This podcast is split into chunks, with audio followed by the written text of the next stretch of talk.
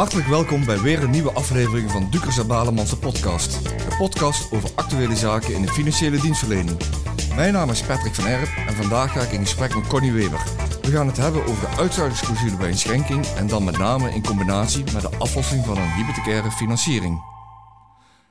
Welkom Connie, hartstikke fijn dat je er weer bij bent. Uh, ondertussen een vaste gast bij de podcast. Maar zou je je eigenlijk toch even willen introduceren bij die luisteraar die jou nog niet kent? Nou, dankjewel uh, Patrick, graag. Uh, Connie Weber, um, ik doe al uh, heel lang aan financiële planning en alles wat daarbij hoort. Ik geef ook als freelance docent les voor jullie. Maak ook dingen op het gebied van estate planning. En ben daarnaast zo af en toe nog in de adviespraktijk bezig. Maar vooral ook de laatste jaar met veel bestuurlijke zaken, zoals in het bestuur van de FFP en in het Verbond Financiële Beroepsorganisatie. Ja.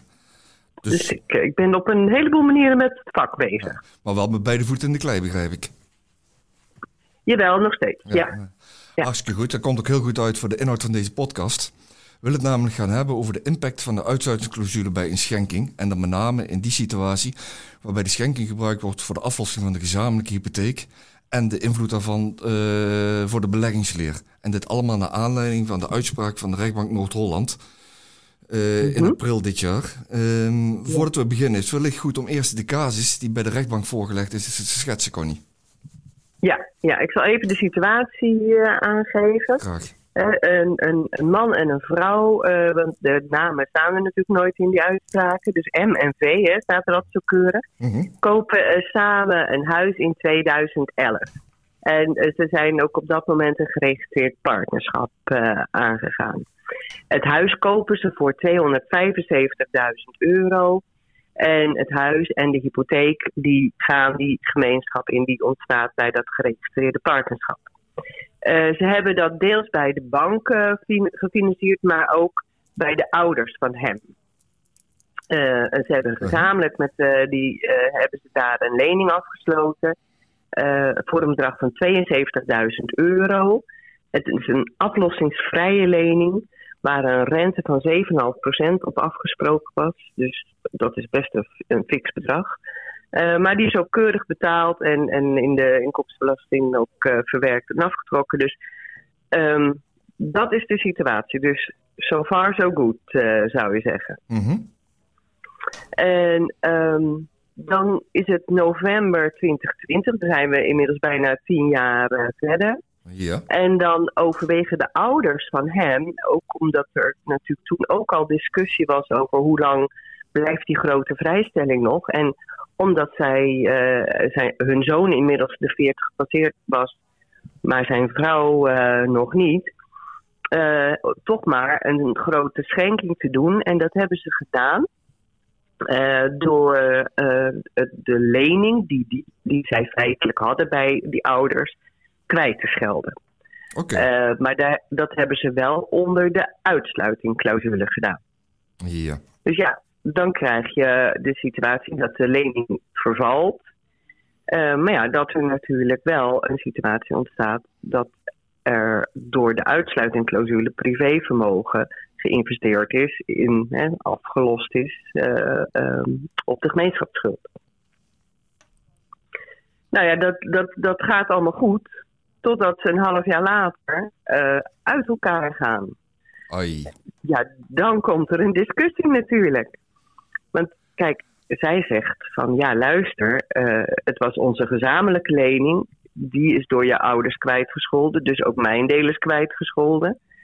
Sterker nog, alleen doordat mijn leeftijd gebruikt kon worden, hebben we dat bedrag zo uh, onbelast kunnen ontvangen. Dus ja, luister, er is helemaal, ik ben hier verder niks verschuldigd. Uh, huppakee, we verdelen de overwaarde, want het huis was op dat moment al nou, zo rond 4,5 ton waard. we verdelen keurig de overwaarde. En voor de rest zien we het wel. -huh. Maar hij zegt natuurlijk van nee, dat is niet aan de orde, want het was onder de uitsluitingclausule gekregen. Dus uh, je bent wel degelijk, althans de gemeenschap is wel degelijk nog een bedrag aan mij verschuldigd. Uh, Nou ja, en dat is bij de rechter terechtgekomen. Interessante stellingen van allebei. Ik snap het standpunt van hem, maar eigenlijk ook wel van haar.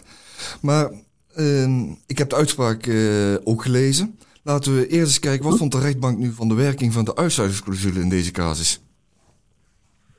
Ja, nou de rechter die is daar eigenlijk best heel duidelijk over geweest. Mm Die zegt van luister, kijk, eh, het kwijtschelden van een eigen woningsschuld, als dat uh, gebeurt, hè, de ouders die de schuld kwijtschelden, ook al was die schuld aan beide, maar de kwijtschelding gebeurt onder de uitsluitingclausule, dan is dat wel degelijk een privévermogen, wat in dit geval een gemeenschapsschuld heeft afgelost.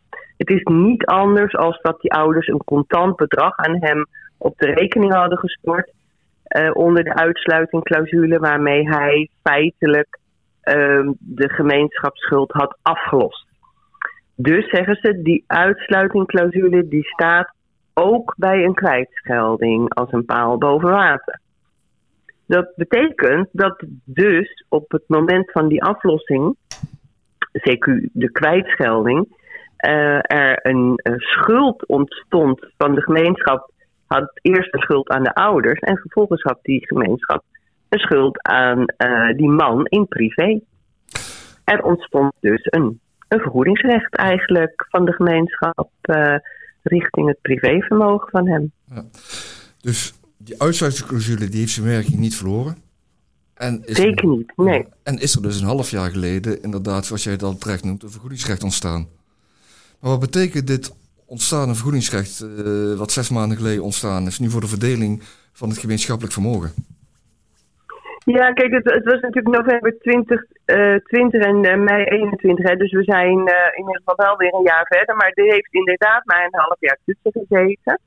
En um, dan, wat je dan ziet is dat je op het moment dat je die aflossing doet en dus en daarna een half jaar later uit elkaar gaat, dat betekent dat op zo'n moment zo'n vergoedingsrecht uh, moet worden ingelost. Ja. Moet feitelijk bij de verkoop van de woning moet er uh, terugbetaald worden aan het privévermogen. En waar je dan uh, mee zit, is de bepaling die in de wet geregeld is als het gaat om aflossing van schulden die zijn aangegaan bij de verwerving. Want dan de aflossing daarvan met privévermogen, met uitgesloten vermogen, betekent dat je voor de beleggingsleer, voor de verhouding teruggaat naar de waarde ten tijde van de verwerving. Dus naar 2011? Ja, ja. Dus die 72.000 euro, die groeit in een half jaar tijd aan tot 117.000 euro ruim. Bijna 118. Want dat moet je doen namelijk. Je zegt 72. Die, en daar, daar pas je het breukdeel van de huidige waarde op toe, 450.000. Gedeeld door 275.000. Mm En daarmee vermenigvuldig je die 72.000.